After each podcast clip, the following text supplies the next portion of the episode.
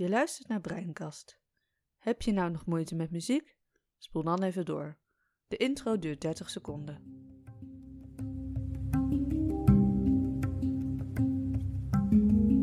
Welkom bij Breinkast, de hersenschudding podcast. Een podcast waarin we in gesprek gaan over ons leven met een langdurige hersenschudding. Zo gaan we het hebben over alles wat ons bezighoudt in ons herstelproces, maar ook over dingen als liefde en seks. Mijn naam is Mila. En ik ben Marit. Leuk dat je luistert.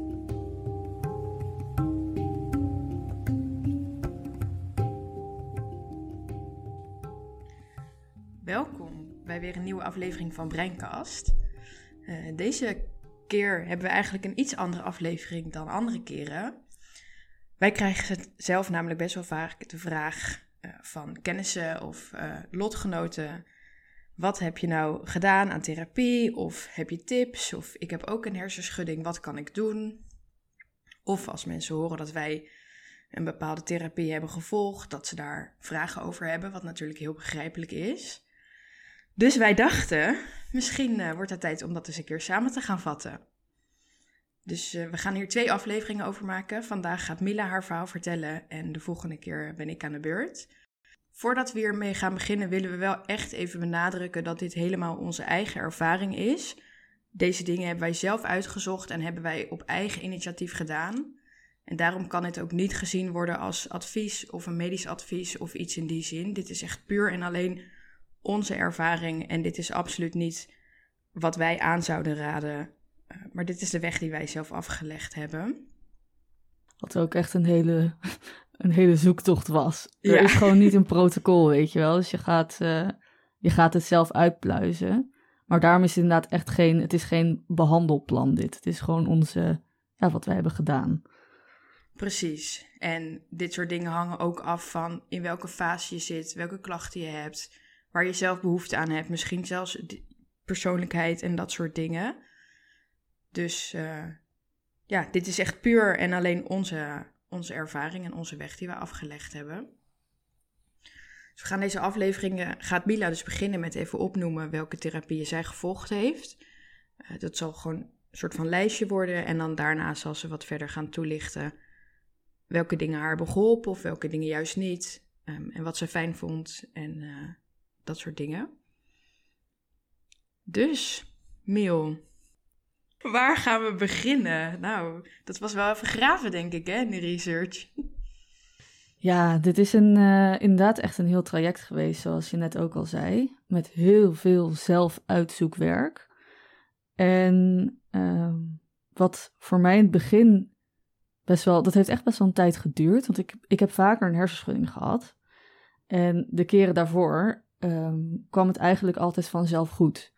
En uh, dan was het gewoon door middel van meer rust inbouwen of een, ja, even een stapje terug. En dan was het na een paar weken of een paar maanden was het, was het gewoon klaar.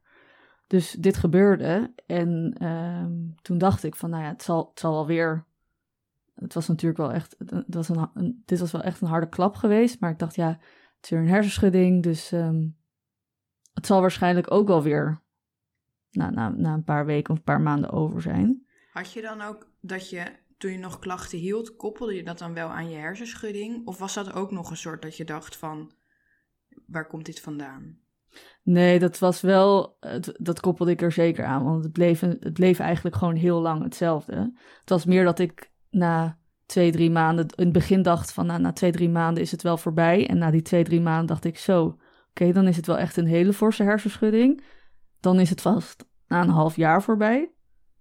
Dat bleek weer niet. En zo ging het de hele tijd door. Tot ik op een gegeven moment dus ging leren over, nou, in een paar gevallen. Uiteindelijk blijkt dat dus meer dan, dan we denken. Maar kan het echt gewoon jaren duren. En toen dacht ik wel echt, oh shit.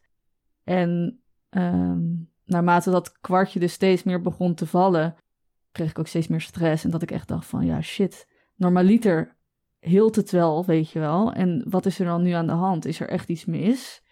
Waarom kan niemand mij vertellen waarom het zo lang duurt? Waar kan ik terecht? Ja. dus dat zoekproces, dat, dat, ging ook, dat ging de hele tijd door. Omdat je de hele tijd denkt van oké, als dit niet werkt, werkt dit dan misschien? En nou ja, je komt inderdaad echt in zo'n modus terecht dat je, dat je op zoek gaat naar de behandeling. Kan je alvast vertellen, de behandeling bestaat niet. Was er maar dat pilletje dat je kon nemen en dat het uh, allemaal voorbij zou zijn. Ja. Dus in het begin was voor mij de meest logische stap meteen huisarts bellen. Naar de huisarts toe, doorverwezen. Uh, zij heeft me meteen doorverwezen naar het ziekenhuis om foto's te laten maken van mijn uh, ruggenwervels en nekwervels. Omdat ik daar heel erg last van had, omdat ik dus voorover was geklapt. Um, en daarna was het zo van, oké, weet je, je, hebt niks gebroken daar. Um, het zal inderdaad waarschijnlijk wel wegtrekken. Um, zij heeft me wel vrij snel doorverwezen naar de psychomotorisch therapeut. en ik ben ook in die tijd toen begonnen met acupunctuur, om dus meer rust te krijgen en een beetje zo te proberen om dat herstellend vermogen weer uh, ja, een beetje aan te wakkeren. En uh, ik zat laatst in die WhatsAppjes te kijken, want voor deze aflevering ging ik dus opzoeken van, oh, wat heb ik allemaal gedaan? En dat was dus een, nou, een paar, ja, ik denk een maand ongeveer na, na het ongeluk, dat ik die acupuncturist had geappt. En toen zei ik al van, ja, oh, het gaat al wel weer wat beter. en dat ik dus nu echt denk van, oh, ach, ja, ik had echt, ja, je hebt gewoon geen idee. Dat weet je gewoon niet. Maar dat denk je toch ook op dat moment? Ja. Zeg maar, op het moment dat je dan inderdaad denkt, bijvoorbeeld hoor, maar je hebt een dagje wat minder hoofdpijn, dan denk je, oh yes. Precies, maar dat is ook omdat je, tenminste in mijn geval is omdat ik dat ook gewend was van voorheen, dacht ik ook van, oh, maar dit, dit komt wel weer goed, weet je wel. En dan op een gegeven moment, na een paar maanden, denk je, ja, wacht even, dit is niet zoals ik het ken. Wat, wat is hier aan de hand? Ja. Um, maar achteraf, als je dat dan leest, denk je echt, ach, ja, was, was het maar zo geweest? Was het maar inderdaad dat het toen uh, zo snel dan weer beter ging? Ja, had je dan ook niet dat als je dan mensen hoorde die dan zeiden op een gegeven moment, ja, ik ben al vier jaar bezig, dan dacht ik echt, ja, dat gaat mij echt niet gebeuren. Ja, 100%. Ik dacht echt, nou, mij niet gezien. En uh, ik vond het ook altijd heel stom om dat te horen. Maar zeker. En dat is ook iets wat mij heel erg opviel um, is dat heel veel mensen om mij heen, tegen iedereen tegen wie ik het zei, zei: Oh, mijn buurmeisje, mijn nicht, mijn, uh, mijn vriend. Of iedereen kende wel iemand die langdurige klachten had overgehouden aan een hersenschudding. En in het begin vond ik dat dus ook heel frustrerend om te horen, omdat ik dacht: ja, maar ik wil dat niet. Dit, dit, dit gaat niet voor mij ook zo zijn. En um, ja, dat is dan op zo'n moment heel pijnlijk. Ook omdat het, dat je wel denkt van, oh god, het zal maar zo zijn, weet je wel. Ja. Um, maar ook het besef hoeveel mensen daar dus last van hebben. En ook dat iedereen zegt van, ja, niemand begrijpt het echt, maar het is wel echt zo. Ja, dat hè. Ik heb dat ook inderdaad wat jij zegt. Iedereen kent wel iemand die een soortgelijk verhaal heeft. Of een verre kennis. Of het, het komt denk ik veel meer voor dan we denken. Zeker, zeker. Um, nou goed, toen daarna ben ik naar de fysio gegaan. En, um... Was dat wel op eigen initiatief ook of was dat via de huisarts? Want fysio, dat komt vaak wel via de huisarts. Ja, dus dat was. Uh, ik heb in mijn leven best wel wat ervaring met de fysio. dus dat was wel iets wat, uh, waarvan ik ook dacht: van oké, ja, dat is ook een logische stap. Maar inderdaad, vanuit de huisarts is dat ook een beetje um, mijn harde had dus, zoals ik net zei, wel eerst volgens mij een beetje het idee van... oké, naar iemand die ook een beetje met ontspanning bezig is. Maar daarna komt inderdaad de fysio vaak naar boven. Um, en daar was ik toen... Die is eerst heel erg bezig geweest met mijn, mijn nek en rug. En daarna gingen we dan proberen op te bouwen. Um, maar dat ging helemaal niet. Opbouwen in wat? Opbouwen in, in, in kracht.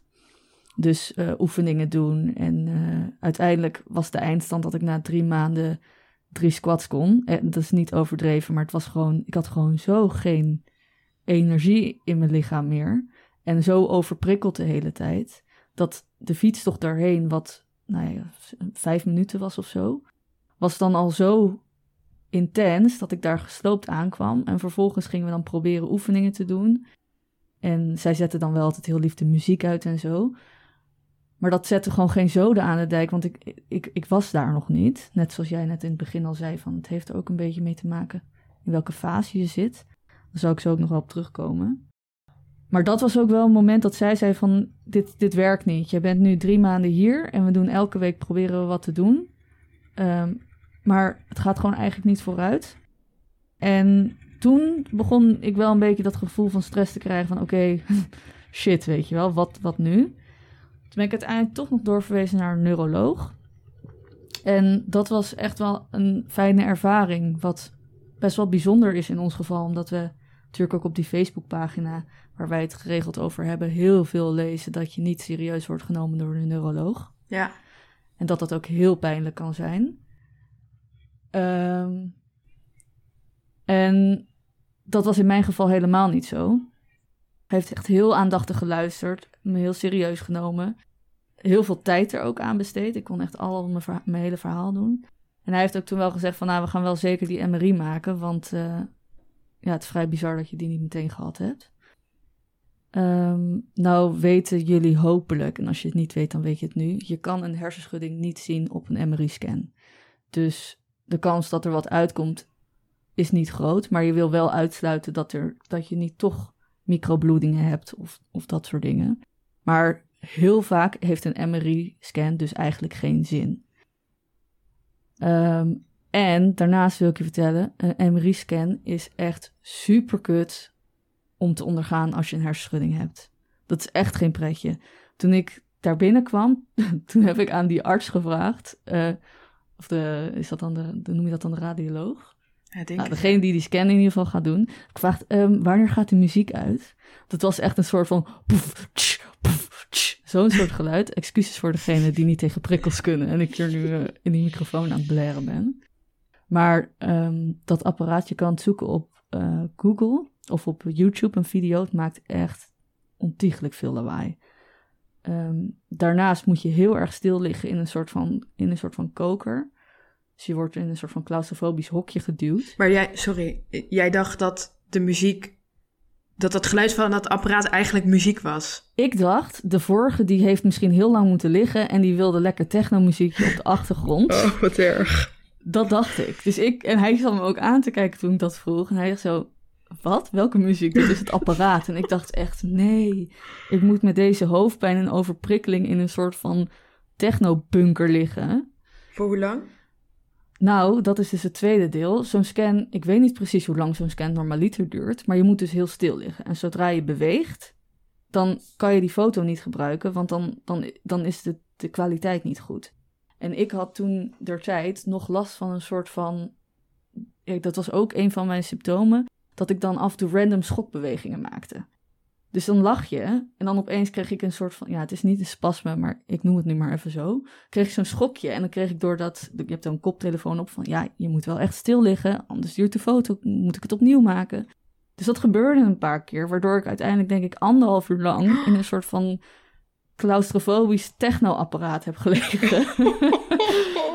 dus ja, dat is gewoon, het is echt niet chill. En achteraf, die scan was goed en dat is dan wel heel fijn. Um, omdat je dan weet van oké, okay, er is dus wat betreft je, nou, die scan is natuurlijk ook beperkt, maar voor zover je op die scan kan zien, is er, is er geen fysieke schade.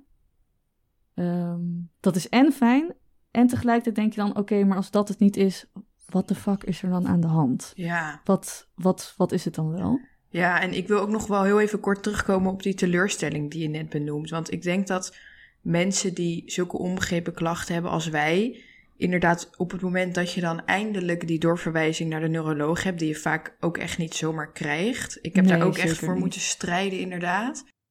Maar ik denk dat wij dan heel erg geneigd zijn om inderdaad te denken van, oh, nu mag ik naar de hersendokter, zeg maar. Dus nu zal het balletje wel gaan rollen. Maar dat is helemaal niet per se de, de insteek en expertisegebied van zo'n neuroloog. Dus wij als nou ja, PCS'ers, om het dan zomaar even te noemen, hebben vaak dan die hoop van vanaf nu gaat het beter. Ja. En dat is dan helemaal niet zo. En daar zit die teleurstelling. Dus het is niet zo dat je dan inderdaad echt zo uitgezocht wordt op PCS, maar meer dat je denkt, nou, nu ga ik naar iemand die verstand heeft van de hersenen. Dus nu. Klopt. Ja, en daarnaast is het ook zo dat in 9 van de 10 keer, althans als we de verhalen mogen geloven die wij te horen krijgen, is dat dus ook niet het geval. En word je dus niet serieus genomen. Ja, Ik heb ook zo'n ervaring inderdaad. Maar goed, dat komt later. Maar vaak wordt er dan dus ook nog eens gezegd: er is niks te zien op de scan, dus er is niks. Ja, ja. Ik denk dat ik echt geluk heb gehad met de neuroloog waar ik ben geweest. Uh, hij was eigenlijk dus positief over die scan, want het is heel fijn dat er niks te zien is. Maar hij heeft wel mij toen gezegd van het is wel verstandig om psychologische hulp te gaan zoeken. Uh, omdat je dus wel heel veel klachten hebt en het is gewoon allemaal heel heftig. Maar er is fysiek niet iets wat gefixt kan worden op dit moment. Um, en dat is eigenlijk supergoed advies. Want op het moment dat jij zo in de war bent en eigenlijk heel opgelucht bent, want er is niks met je hoofd aan de hand, en tegelijkertijd denkt, hé, maar wat is er dan wel mis? Want je hebt die klachten. Die klachten zijn echt. Die pijn die je ervaart is echt. Maar waar het vandaan komt, dat is weer een heel ander verhaal. Ja, en een goede nuance daarbij is denk ik ook dat. Um, kijk, wij weten dat natuurlijk ook niet precies, want wij zijn geen artsen of iets. Maar naar wat wij een beetje hebben uitgezocht over de afgelopen jaren, lijkt het er nu op dat hetgeen wat er dan misgaat, is meer de informatieoverdracht tussen je hersendelen. En dat is niet te zien op de meetinstrumenten die ze in de huidige zorg zeg maar gebruiken. Nou, dat hangt er vanaf wat je inzet. Maar vaak wordt er dus gekozen voor een MRI of een, uh, of een röntgenachtige scan. Ja, CT inderdaad. Um, en daarop zie je dat inderdaad niet. Nee. Dus dat is ook nog wel goed om even te benoemen. Van, het kan best wel zijn als je bijvoorbeeld een fMRI uh, laat maken dat er misschien wel iets te zien is, maar dat wordt helemaal niet gebruikt nu hier in Nederland. Plus, dan is ook nog de vraag: stel je kan dat zien, wat dan? Ja. Wat is dan de volgende stap? En er is gewoon, zoals we net ook al noemden, nog niet een, een stappenplan hiervoor. Ook omdat het zo complex is. En ook omdat we zo weinig nog weten. Ja. Uh, maar zeker, dat is echt nog een goede om, om te benadrukken wat je net benoemde. Um, dus ja, je had de MRI. En toen? Ja. Ik had een MRI. Vervolgens uh, heb ik me dus aangemeld bij een psycholoog. Nou, daar is altijd even een wachttijd voor. Tussentijd heb ik me ook aangemeld voor een revalidatietraject. Um, daar ben ik vervolgens afgewezen. Wat eigenlijk heel erg jammer was. Want um, hun argument was van... Uh, ja, je doet al heel veel zelf. Dus ondertussen had ik al een vrij groot team om me heen verzameld van mensen waar ik zo meteen op terugkom um, aan, aan behandelaren als het ware. En tegelijkertijd scoorde ik vrij hoog op uh, de, de depressie- en angstschalen. Goh. Ja, wat dus, en dat zij zeiden van ja, nou ja, we hebben, je hebt, een psycholoog zit wel in het uh, interdisciplinaire team, maar die gaan niet zo diep als dat je misschien nodig hebt. Later heb ik met mijn eigen psycholoog het erover gehad en die zei van ja, hè, hè, tuurlijk heb jij daar hoog op gescoord, want je zit maanden thuis, je bent 23. Je hebt superveel klachten en pijn en snapt niet wat er aan de hand is. Het is zeg maar niet raar dat je daar angstig en depressieve gevoelens bij krijgt. Nou, vind ik een beetje raar dat jij niet het zonnetje in huis was. nou ja, ja, zeg maar, ik, ik snap beide kanten. Ik snap dat zij misschien daardoor dachten van, nou, revalidatie is op dit moment niet um, de juiste plek voor je. Tegelijkertijd denk ik ook dat veel angstklachten misschien weg hadden kunnen vallen als je dus in zo'n team belandt die met jou aan de slag gaan. Ja. Het is in ieder geval een, een startpunt. Ja, precies. Alleen tegelijkertijd komt dit misschien ook weer neer op van ja, in welke fase zit jij? Is dit nu het, hetgeen wat je nodig hebt? Of kan je beter inderdaad eerst een psycholoog goed gesprek mee ingaan en uh, gaan kijken of er daar nog andere punten zitten? Um, en daarna nog terugkomen voor de revalidatie dat heb ik niet gedaan. Ik heb uiteindelijk uh, gewoon heel veel zelf erover gelezen en een soort van eigen revalidatieplan opgesteld. Uh, hiervoor meteen een tip, dat is het boekje Pijn en het Brein. Geschreven door uh, revalidatie, revalidatieteam. Volgens mij zijn het ook revalidatieartsen, als ik het goed zeg. Ja, volgens mij ook, ja. Een mooi boekje. Die is heel goed. Ja, ook makkelijk te lezen. Hij is ook niet zo dik. Nee, en staat heel, staan, daar staan dus stappenplannen in voor bijvoorbeeld graded activity, rust inbouwen. En ik ben dat gewoon zelf gaan doen, wat eigenlijk heel goed ging. Um, maar tegelijkertijd is het wel lastig, want je doet het allemaal alleen. Ja. Daarnaast had ik een osteopaat waar ik heen ging. een craniaal-sacrale therapeut en manueel therapeut. Dat zijn ook een uh, soort van fysio-achtige behandelaren, maar dan echt op het hoofd gericht. Um, ik had een home trainertje aangeschaft via Marktplaats, zodat ik dus zelf Great Activity kon opbouwen. En um, dat Great Activity deed ik dan ook voor bijvoorbeeld dingen als luisterboeken en lezen. En dan elke week doe je dan een minuutje erbij, als het ware. Um, en zo probeerde ik een beetje te revalideren. In de vorige aflevering over terugvallen hebben we het erover gehad dat ik toen op een gegeven moment ook een terugval heb gehad, omdat ik op papier zo hard bezig was, maar eigenlijk het lichamelijk toch allemaal net te zwaar was. En dat is wel het lastige aan als je het dus alleen doet en niet daarin begeleid wordt door professionals. Ja. Ja, dat is ook altijd een beetje mijn ding met dit soort dingen. Want het kan zoveel houvast geven. Maar aan de andere kant is het minstens zo belangrijk dat je je signalen leert herkennen en ernaar leert luisteren. Dus dan kan zo'n schema dat inderdaad zeggen, maar je lijf zegt misschien wat anders. Ja. Oké, we gaan wel even een kleine break weer inlassen in deze aflevering. Mila die eh, gaat straks verder met haar uh, interessante lijstje. Maar heb je nou nog veel last van prikkels? Uh, ben je moe? Je kent het verhaal? Dan is dit je moment om de podcast op pauze te zetten. En anders dan ga je nu horen wat jouw volgende stap was, Mila. Ja, ik ben een beetje kwijt of ik het nou gewoon logische volgorde aan het doen ben. Maar om en nabij was dit wel zo. Want hier kwam het moment waarin wij contact hadden via Facebook. En toen ben ik uiteindelijk bij Blik 020 beland in uh, Amsterdam. En zij doet oogtrainingen. En bij haar kwam ik erachter dat ik geen diepte meer zag. En dat men um, ja, het scherp stellen en het convergeren en divergeren heet het dan. Dat daar allemaal, dat, dat werkte allemaal niet meer goed. En zij legde toen ook aan mij uit van ja, kijk, het is heel logisch dat jij bijvoorbeeld in dingen als het verkeer heel gestrest bent. Want je kan letterlijk niet zien hoe ver auto ver weg van je is. En toen dacht ik, oh, er zijn nu zoveel dingen die opeens op zijn plek vallen. Want ik snapte al die dingen niet. Van, hé, hoe kan het nou dat als ik over wil steken echt een soort van...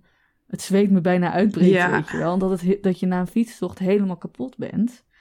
En toen legde zij dus aan de hand hiervan uit van ja, omdat je dus de hele tijd moet proberen in te schatten of een situatie veilig is en of je wel, of je niet zo meteen overreden wordt als het ware. Dus bij haar ben ik gaan trainen met, uh, met allerlei oogoefeningen. Uh, daarnaast BSR, Body Stress Release. Dat gaat, uh, is meer op het lichaam en om eh, spanning los te laten. Um, ik ben ook bij Mindfulness Medicine geweest, heette dat. En dat is een arts, maar die tegelijkertijd heel veel bezig is met uh, ontspanningoefeningen, maar ook met uh, supplementen. Um, in Amsterdam is dat ook. Ik ben later toch nog een keer teruggegaan naar de fysio. En die begon toen te dry needelen in mijn nek. Nou, dat was echt voor mij niet de juiste stap. Nee. Ik weet nog zo goed dat jij dat toen ging doen. En ik had dat al gedaan. En ik dacht, oh, dit moet je echt niet doen. Maar ja, tegelijkertijd weet je ook wat voor de een werkt, werkt voor de ander misschien niet. En andersom. En ja, was het, jij ging het toch al doen. Dus hoe kut is het als ik dan ga zeggen, nee, dat moet je echt niet doen. En ik dacht echt, oh, oh, oh, arme, je arme nek. Ja, en het stomme was ook toen ik daar binnenkwam. Het was ook zo'n plek en de muziek stond aan en die, die fysio had er helemaal zin in. Echt zo'n enthousiasteling. En die, die snapte mijn verhaal ook niet. Dus ik zei van ja, ik heb moeite met prikkels. En ondertussen ging je allemaal dingen op de computer laten zien. Ik zat er alleen maar van, oh, oh, oh, veel te heftig. Nou ja, toen met van die naalden in mijn nek. En ik, ik weet nog dat ik daar wegging en jou appte van Marit, oh my god. Ik ben zoveel meer gestrest nu dan, zeg maar, ik hoopte het tegenovergestelde van wat er gebeurd is. Ja, dat gunde ik je ook, ja. Ja, dus dat is ook weer, um, dat we zullen op de tips ook terugkomen, maar die band die je met je therapeut hebt is ook zo belangrijk. Ja. Um, voor de rest, uh, acupunctuur heb ik inderdaad al genoemd. Uh, heel veel YouTube-video's heb ik gekeken. Echt heel veel over nekoefeningen, over buikspieroefeningen, over uh, de positie van je tong. Echt, noem het maar op. ehm, zowel Chinese medicijnen als westerse, echt van alles. Yoga, meditatie, zenuwstelsel. Ja. Ik was een soort van op YouTube gewoon alles aan het opzoeken. En als er dan oefeningen bij zaten, probeerde ik dat gewoon uit. Ehm, en zo kwam ik af en toe hele fijne dingen tegen en af en toe dingen die wat minder goed werkten. Ehm, hetzelfde geldt voor boeken. Heel veel gelezen over revalidatie, over nou, hersenschuddingen aan zich, ehm, persoonlijkheid, manier van hoe je dingen interpreteert en hoe je over dingen nadenkt. dus daar heel veel uit geleerd. Mind Your Brain Yoga natuurlijk. Ja. Daar hebben wij het al vaker over gehad. Maar dat is een yoga in Amsterdam voor mensen met niet aangeboren hersenletsel. Ja, en als je in Amsterdam woont, is dat ook oprecht een heel, uh, heel fijn adresje. Zelfs als je echt niks kan. Ik ben er ook geweest in een periode dat ik echt niks kon. En toch was dat iedere week uh, mijn houvast momentje. Ja, zo fijn. Ja. Helene is ook echt zo, echt zo lief. Ja. Um, en voor de rest, ja, dat is ook nu dingen die ik nu dus ook nog steeds doe. Dus yoga, meditatie en dan veel thuis ook wel.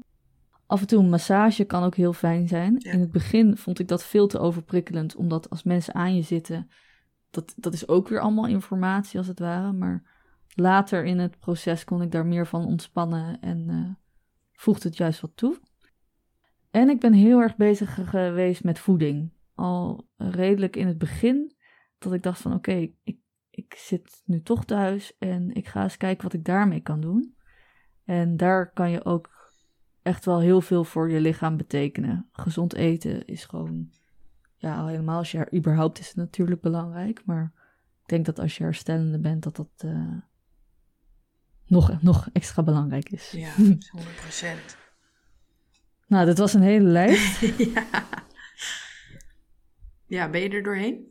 Ja, ja volgens mij wel. Ja. Misschien dat ik wel wat vergeten ben, maar nou dit is wel een, een grote notendop wat, wat ik gedaan heb ongeveer. Ja, nou het is al een aardige, aardige kluif.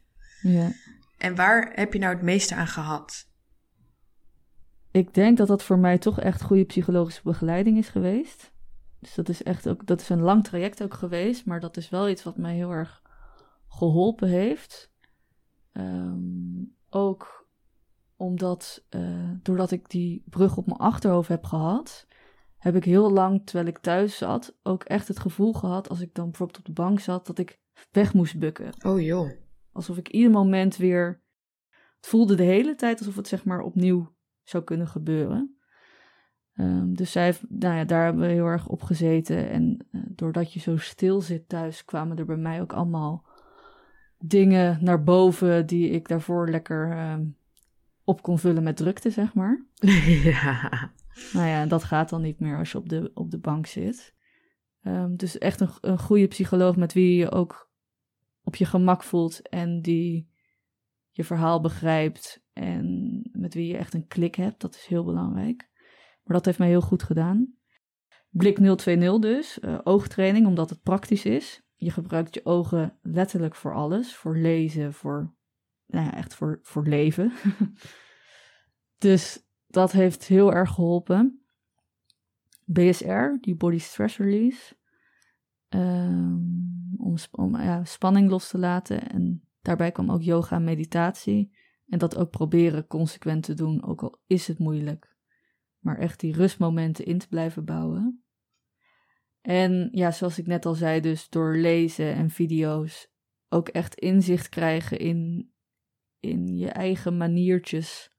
Zowel je patronen als persoonlijkheid, als je manier van leven. Um, om daar echt mee aan de slag te gaan. Dus ook best wel, ja, jij hebt het ook al vaak genoemd, een soort van uh, ja, zelfhulp zou ik het denk niet noemen, maar ja, gewoon echt naar jezelf werken. Ja. Ja, ik denk, ja, innerlijk werk ja. noem ik dat dan altijd. Oh ja, ja mooi. En, of tenminste, zo noemde mijn coach dat, want ik heb ook aardig wat gedaan op dat gebied inderdaad. Maar je ontkomt er op een gegeven moment ook niet meer aan. En dat is iets wat denk ik ook belangrijk is om te benoemen, dat als je met dit soort klachten zit, zeker als je dan inderdaad je niet gehoord voelt door de zorgverleners waarvan je juist heel veel hoop hebt dat, dat die je kunnen helpen. En op het moment dat zij dan inderdaad insinueren van ga naar een psycholoog of iets, krijg jij misschien weer het idee van het zit tussen mijn oren, of ze zeggen dat het tussen mijn oren zit en ik ben toch helemaal niet gek en het is toch allemaal echt. En dat is het ook, maar dat betekent niet dat die mentale hulp je niet kan hebben, zeg maar. Nee, nee zeker. En dat zij dat dan misschien denken, ja, laat ze lekker denken, weet je wel. Jij weet wel beter en Ja. je klachten zijn gewoon echt. Maar ik denk wel dat dat zeker in dit herstel echt een onmisbaar stukje is. De psychologische hulp bedoel je? Nou, lig, ja, waar je het ook wil zoeken. Ga naar een psycholoog, ga naar iemand waarmee je kan praten, ga naar een coach, whatever voor jou werkt, zeg maar. Wat in jouw geval dan inderdaad de psycholoog was. Maar op het moment dat je daar misschien naar doorverwezen wordt, betekent het echt niet dat je gek bent en dat er niks aan de hand is. Nee, nee, nee. Maar dat kan juist heel helpend zijn. Zeker. Ja, en dat is ook echt wat ik nu de hele tijd tegen iedereen aan het benadrukken ben, die er ook maar naar vraagt. Ook de mensen die er niet naar vragen. Maar dat is eh, dat je, je, je geest en je lichaam zijn gewoon zo nauw verbonden. Ja, Je, als jij beter gaat op een lichamelijk niveau, zul je je psychisch beter voelen. En als jij beter gaat op een psychisch niveau, zul je je lichamelijk ook beter voelen. En ook pijn. Pijn is voor een heel groot deel ook psychisch.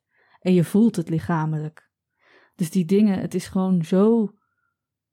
Je hebt natuurlijk ook als je een wond hebt, natuurlijk ook echt letterlijk fysieke pijn. Maar het is allemaal zo nauw verbonden dat je het bijna niet los van elkaar kan zien. Eh, Ja. Dus ga inderdaad met beide delen aan de slag. En het is, ja, er zit nog steeds gewoon best wel een beetje een taboe op mentale problemen.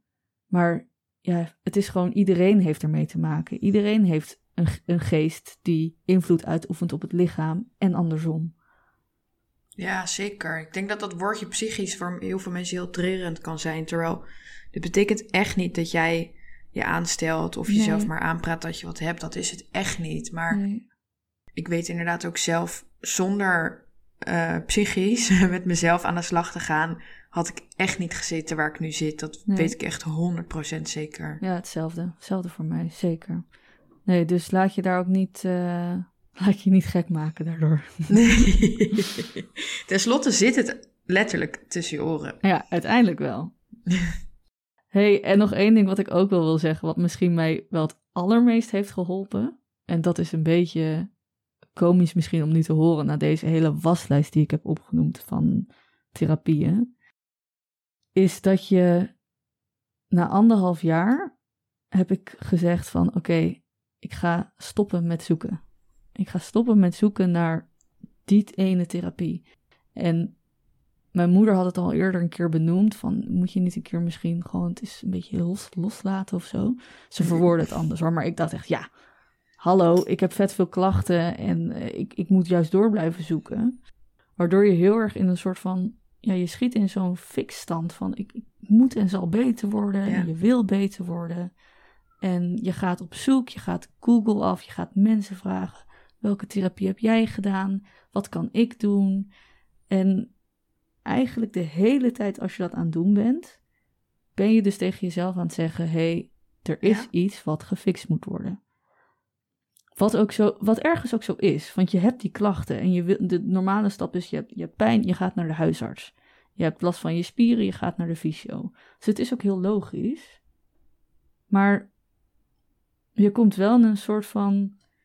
Tenminste, ik was zo hard aan het zoeken dat ik eigenlijk bijna een beetje vergat dat mijn lichaam ook gewoon hersteltijd nodig heeft. Herken je dat? Ja, zeker. Ik denk dat het mij ook nog veel langer heeft eh, gekost om uit die modus te komen. En nog steeds heb ik daar soms moeite mee. Dus dat is echt niet iets wat je na het zomer loslaat. Maar ik herken het zeker. En het is ook op het moment dat jij inderdaad obsessief aan het zoeken bent. Of obsessief denkt, ik heb dit en daar moet nu dit en dit aan gedaan worden. Dan ehm, zit jij letterlijk in een fight-flight reactie. En fight-flight gaan we op een later moment zeker nog een aflevering over maken. Want dat is echt een essentieel mechanisme in dit hele verhaal. Zeker. Maar dan ben je letterlijk alle alarmen in jouw systeem aan het aanzetten.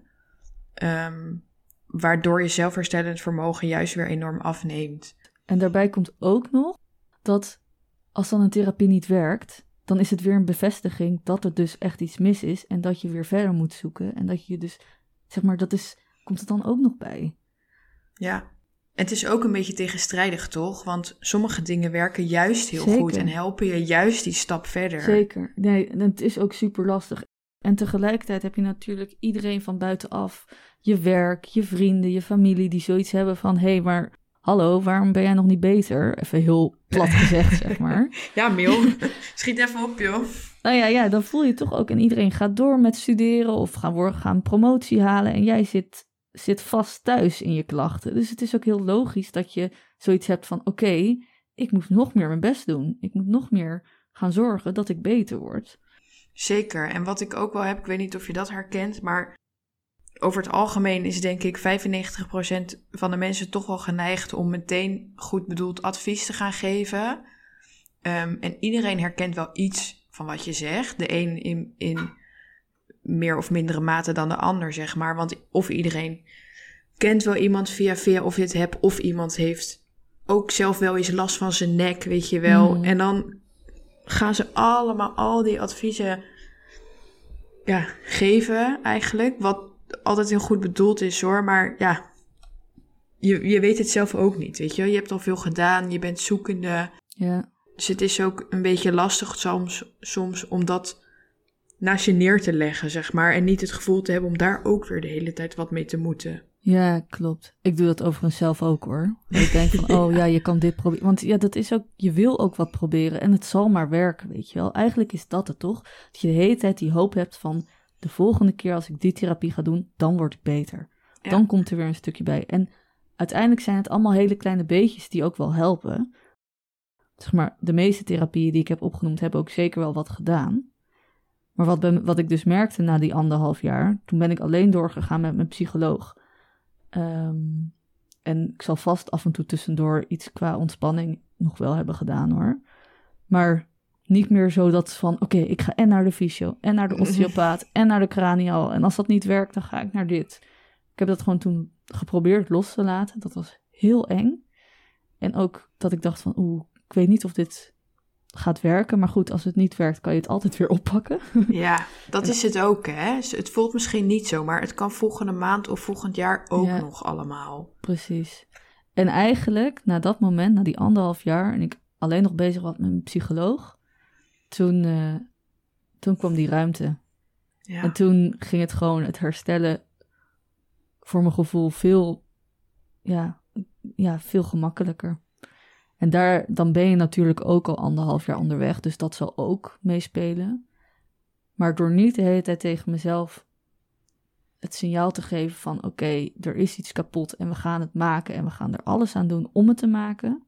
Door juist te zeggen van hé, hey, laat ik even alles loslaten en te kijken wat er dan gebeurt. Toen begon er steeds meer ja, ontwikkeling te komen en eh, ging het steeds beter. ja, wat fijn. Ja, en het was heel moeilijk hoor. En het heeft me dus anderhalf jaar gekost ook. Hè? Dus het is niet van doe dit even en dan komt het allemaal wel goed. Ik heb ook allemaal dingen gedaan die wel ook hielpen. Maar ja, Ja. het is echt weer, weer een balans. Ja, daar is die weer. Ja, weet je wat ik eigenlijk wel grappig vind? En tegelijkertijd is het natuurlijk helemaal niet grappig. Maar inmiddels zitten wij hier nu al zo lang in. Dat jij zegt nu anderhalf jaar. En dan denk ik, oh, dat is best snel. Oh, echt? Oh ja, Ja. ja. Oh ja. Ja, ik vind anderhalf jaar wel echt tering lang. Ja, is het ook. Soms, soms zeggen mensen wel eens van, eh, als ze dan iets hebben of zo, van ja, en toen kon ik twee maanden niks. Ja, ja, ja, ja. Ja, En dan denk ik, dan vergeet ik ook gewoon dat dat ook al heel lang kan zijn, ja, weet ja, je ja. wel? Nee, klopt. Ja, nee, dat, dat herken ik heel erg. Dat je denkt, oh, twee maanden, I wish. Ja. ja, het betekent niet dat het voor diegene niet alsnog super vervelend is hoor. Maar dan denk ik Tuurlijk. inderdaad, nou als je binnen twee maanden weer op de rails bent, dat is best netjes toch? Ik teken ervoor. Ja, ja. Klopt. Ja. Maar daarover gesproken, wat, wat vond je lastig in dit hele proces? Mm, wat ik echt lastig vond, is dat je het dus allemaal zelf moet uitzoeken. En je bent al overprikkeld, met name in het begin. Is vaak beeldscherm niet fijn en je hebt een vol hoofd. Ehm, en dan, ja, de huisarts, dat, die, mijn huisarts heeft op een gegeven moment dus ook echt gezegd van... Kijk, we, we weten gewoon niet zo goed hoe we hiermee om moeten gaan. Je kan de fysio proberen en dergelijke. Ehm, maar uiteindelijk moet je het op een gegeven moment ook gaan zoeken buiten de, de reguliere zorg en kijken of zoiets dan kan helpen. Ehm, en dat uitzoeken is gewoon heel veel werk. En tegelijkertijd kom je dus in die fixstand en het kost je moeite om het uit te zoeken. Maar ja, je wil ook niet stil gaan zitten. Dat wil ik trouwens ook nog wel even benadrukken. Wat ik bedoelde met die anderhalf jaar mezelf van therapie naar therapie zeulen, betekent niet dat ik toen maar, zeg maar op de bank ben gaan liggen of zo. Je gaat nog steeds verder met ontwikkeling, maar je doet het op een andere manier. Dus je gaat wel gewoon nog wandelen of yoga, of maakt niet zoveel uit wat je gaat doen. Maar ik bedoel niet met laat alles los van ga maar lekker op de bank liggen met een dekentje en het loopt wel los. Nee. Af en toe ook goed om te doen, denk ik hoor, daar niet van. Maar dat is misschien nog wel van goede nuance. Ja. Ehm, Dan ga je van de overprikkeling naar de onderprikkeling. Ja, dat wil je inderdaad ook niet. Ehm, en wat een ander ding wat ik heel moeilijk vond, en eigenlijk noemde jij dat net ook al wel, is dat er worden zoveel behandelingen aangeboden die dan opeens 10.000 euro zijn, waarvan je denkt van, oh, maar als het zoveel geld kost en zo intensief is, dan moet het wel werken. Maar tegelijkertijd was ik ook gewoon een, een, een eh, student eh, met niet veel geld. Ja.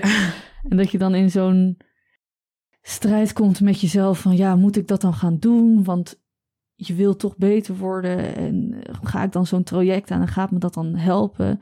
Terwijl het is niet gegarandeerd dat het werkt, maar nou ja, voor sommigen werkt het wel, voor anderen niet. Het is heel veel geld.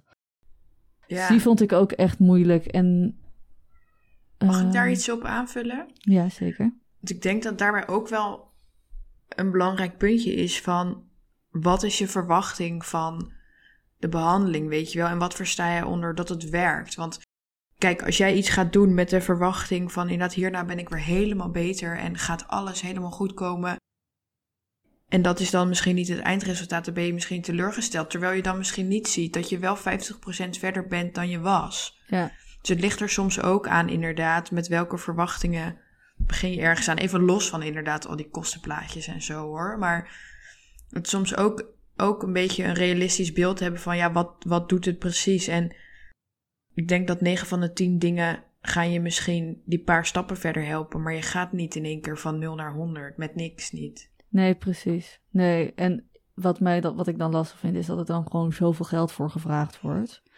Ehm, en dat het ook soms wel een beetje verkocht wordt als in van, dit is de place to be waar je heen moet. Ja. Ehm, wat, als het zo is voor je, super fijn, dat, dan is het helemaal goed. Maar ik heb daar zelf soms wel moeite mee gehad. En dat wakkerde bij mij ook wel soms wat aan dat ik dacht van, ja, moet ik dan niet toch nog meer proberen? Of moet ik het juist niet doen? En nou ja, dat geeft ook weer soms een beetje stress. Ehm, dus ja, dat loslaten en vertrouwen, wat heel moeilijk is, omdat alle bellen de hele tijd afgaan. Eh, maar wel belangrijk is, denk ik. Ja. Ja. Oh, er schiet me trouwens nog één ding te binnen. Wat ik ook. dat vond ik ook moeilijk. En ik denk dat daar mensen ook best wel geregeld mee tegenaan lopen. Mijn eigen huisarts is dus echt een topper. Maar ik ben daar ook wel eens geweest na dus weer een langere periode dat ik weer vastliep en dacht van nou, ik ga toch weer een keer naar de huisarts. Toen was er iemand anders en dat was een wat jongere gast. En eh, het was echt een enthousiasteling. Ik denk dat het verder een hartstikke leuke vent is hoor. Maar die was echt zo hard aan het praten en enthousiast. En ik zat daar alleen maar echt van, oh, prikkels. praat langzamer, praat zachter. En die zei toen ook vervolgens zoiets van... Ja, nee, maar jij moet gewoon naar de fysio en eh, acupunctuur. Ja, nee, daar, daar heb je natuurlijk niks aan. En toen dacht ik echt, gast, je hebt echt geen idee. Ik ben al maanden bezig. Die acupunctuur heeft in mijn geval nu meer gedaan dan de fysio. Omdat het... Ik had op dat moment juist die ontspanning nodig in plaats van opbouwen. En dan zit je daar van, ja, wat moet ik hier nou mee? Ik kom voor jou... Ik kom naar jou voor hulp. Ja. En wat jij zegt, kan ik echt eigenlijk gewoon helemaal niks mee. En ik denk dat dat iets is waar heel veel mensen ook tegenaan lopen. Dat je dan dus denkt van ja, waar moet ik het eigenlijk ook gaan zoeken? Ja. Ja, dat is het, hè. En het is ook... Kijk, een huisarts is ook gewoon een huisarts. En die mensen die hebben een beetje kennis van heel veel dingen. En je moet maar net het geluk treffen dat je iemand hebt die vaker heeft gezien wat jij hebt, of die er meer van snapt, of die wat meer weet van hersenschudding en PCS en dat soort dingen. Maar ja, als diegene heel gespecialiseerd is in eczeem, ik noem maar wat, dan gaat diegene jou gewoon minder goed kunnen helpen. Maar de huisarts is inderdaad wel de eerste persoon waar je naartoe gaat. Dus dat is ook maar een beetje geluk hebben. Ja. En hopen dat ze überhaupt iets voor je kunnen. Want ik heb ook wel eens huisartsen gehad die hebben gezegd van... Ja, heel vervelend, maar ik kan gewoon niks voor je doen. Ja. Wat op zich ergens ook wel weer... Het is wel eerlijk. Je wordt Ja. in ieder geval wel erkend. Er wordt niet Ja. gezegd van... Hé, hey, eh, ja, je stelt je aan of zo. Ja. Ik vind dat ergens ook wel weer... Ja, het is frustrerend. Maar dan, is, dan houdt iemand het wel een soort van bij zichzelf. Zeker. Ik heb ook wel eens andere ervaring met mijn huisarts gehad, maar dat komt eh, in mijn aflevering wel. Ja. Daar zullen we wel wat minuten mee vullen. Goh, ja. Nou, li- liever zo min mogelijk, maar goed. Ehm, maar wat maakte dan dat, dat je ehm, dingen wel als prettig ervaarde en wat was wel behulpzaam? In de therapieën bedoel je? Ja, of je contact met hulpverleners, of inderdaad in therapie. Ja, dat, wat jij nu zegt is echt, dat is zo belangrijk. Dat je het contact dat je met je hulpverlener hebt, of dit nou inderdaad een coach is, een psycholoog, een fysio, als jij je serieus genomen voelt en vertrouwen hebt in die persoon, dat is denk ik het belangrijkste. En ik denk ook dat bij die mensen, waarbij ik dacht van, ja, waarbij ik me dus goed voelde, dat ik daar het meeste uitgehaald heb. Ehm, dus dat is aan de ene kant. En aan de andere kant, juiste tijd, juiste therapie. Ja. Dat ik in het begin naar die fysio ben geweest en helemaal overprikkeld aankwam. En dan helemaal gesloopt weer thuis kwam. En dan één squat had gedaan en 20 seconden op een soort van home trainertje. Ja, zeg maar, je, je, je probeert ook maar dingen, weet je wel. Ja, En ik denk dat die fysio juist later in het proces mij heel erg had kunnen helpen. precies, ja. Maar dat ik eerst voor mij dan eh, me eerst had beter had kunnen focussen op. Dus nog meer rust, nog meer herstellen, meer, meer dat lichaam proberen ehm, in een minder angstig actieve staat te hebben. Dat flight fight waar jij het ook over had. Ja, En dan de fysio later. ja, Ehm, dus ik wil helemaal niet zeggen, ga niet naar de fysio. Want zij heeft mij ook heel erg geholpen met mijn nek en zo. Dus dat was wel heel fijn. Maar door de stress en de spanning zat alles gewoon zo snel weer vast. Ehm, het is een beetje symptoombestrijding dan, hè? ja, een beetje dweilen met de kraan open. Ja. Ja, klopt. Ja. Nou, we hebben wat afgedweld, hè? Ja, we hebben zeker wat afgedwaald. Ja. En heb jij om mee af te sluiten misschien nog wat tips voor de luisteraars? Ja, het is echt een gigantisch lange aflevering geworden. Dus ik Ja. ga het proberen beknopt te houden. Ehm, in de eerste instantie zou ik telkens als je dus bezig bent met een therapie, check bij jezelf of je er echt baat bij hebt. En dat betekent niet dat je één keer naar ergens heen gaat en dan denkt: nee, dit werkt niet. Kan natuurlijk ook. Hè? Als jij geen gevoed gevoel hebt bij iemand, dan eh, ja, zou ik zeggen: zoek iemand anders. Maar ook gewoon ga bij jezelf na, wat doet het voor je? Achteraf is dat makkelijker soms dan terwijl je het aan het doen bent. Ehm, en ook omdat je dus zo zoekende bent en weinig weet, is het ook maar proberen. Maar ja, blijf daarin ook een beetje eerlijk naar jezelf toe. Voegt het wat toe of raak je er juist uitgeput van? Hou bijvoorbeeld dingen als reistijd, hou daar ook rekening mee. Want reizen kan gewoon heel vermoeiend zijn. En als jij back af bij een therapie aankomt, kan dat soms ook weer effect erop hebben. Maar ook dit went weer. Dus het is ook weer oefenen en opbouwen, denk ik. Ja, de eerste paar keren zijn vaak sowieso zwaar. En Ja, zal je lichaam erop reageren? Nemen klachten misschien eerst toe? zeker. Zeker. Ja, precies. Al, het is niet per se van, hé, hey, mijn klacht neemt toe, dus ik stop ermee. Maar als je wat langer bezig bent, dan kan je dat denk ik wel een beetje beter inschatten. Ja, Ehm, zoals ik net al zei, van ja, zorg dus echt dat je een goede klik hebt met je therapeut. Hoeft echt geen beste vrienden te worden, maar dat jij vertrouwen hebt in die persoon en die persoon jou serieus neemt, dat is echt heel belangrijk. ja. En durf dan ook weg te lopen, toch? Of tenminste Ja. te stoppen. Want Ja, jij bent diegene niks verplicht en het gaat om jou. klopt. Dit is echt achteraf met die fysio toen met die dry needle. Ik voelde daar dat het, ik voel, het voelde niet goed. Ik dacht, dit wil ik eigenlijk niet. En toch hij had ook zoiets van, ja, je bent er nu toch, weet je wel, we doen wel voorzichtig. Daar had ik inderdaad gewoon eigenlijk voor mezelf moeten zeggen van, hé, hey, ja, weet je, stuur die factuur maar, maar ik ga nu weg, want dit, is, dit, dit voelt niet goed voor mij.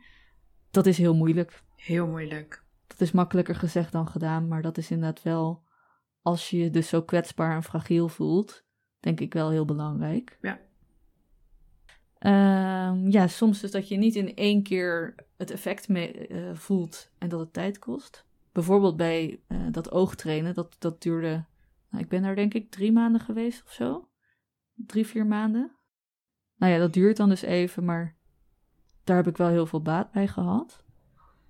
En misschien wel dus het allerbelangrijkste is onthouden dat het lichaam uh, een ontzettend sterk zelfhelend vermogen heeft. Probeer inderdaad uiteindelijk uh, van die fixstand misschien een beetje af te komen en meer uh, naar de vertrouwstand, om het zo maar even te noemen. Dus een soort van het idee van het komt goed en mijn lichaam is hartstikke sterk. En uh, als ik er genoeg ruimte geef, dan, dan kan het veel meer herstellen dan wanneer ik er de hele tijd zelf bovenop zit. Ja. En ik zou hierbij ook zeggen van zoek hier eventueel ook hulp bij als je het dus moeilijk vindt. Dat komt een beetje neer op wat wij net zeiden over die uh, psychologische hulp bijvoorbeeld. Maar um, het kan ook in de manier van langzaam sport opbouwen. Als jij je lichaam weer echt fysiek sterker voelt worden, kan je ook op die manier weer vertrouwen winnen. Um, ja, dus hou die twee in de gaten. En uh, ja, het is altijd een beetje flauw om te zeggen, ja, je moet gewoon vertrouwen erop. Maar. Ja, het is, het is zo lastig, want dat is het echt. Maar ja, tegelijkertijd, het is niet dat wij, of laat ik dan voor mezelf spreken, dat ik dat nou zo goed ook kan of zo. Want nee, ik heb ook nog. ook nee, nee, toch? Wij zitten ook soms nog wekelijks van. Uh, Ja, Het is echt niet dat je dat zomaar even doet, maar uiteindelijk is dat wel echt de sleutel, denk ik. Veiligheid, veiligheid en vertrouwen in je systeem. ja, ja. Net zoals dat als jij een schram op je arm hebt, dan smeer je er misschien een keer crème op en dan. Maar uiteindelijk is het vaak dat je het toch ook met rust laat en die hond. Die hond. die wond. die wond die geneest uiteindelijk vanzelf. Ja. En nou is dat veel complexer natuurlijk met het brein, omdat er veel meer speelt dan alleen een schaafwond. Maar het lichaam kan echt meer dan je denkt. En die, de manier waarop jij naar je klachten kijkt en hoe jij daarin gelooft, heeft gewoon echt heel veel invloed. Ja.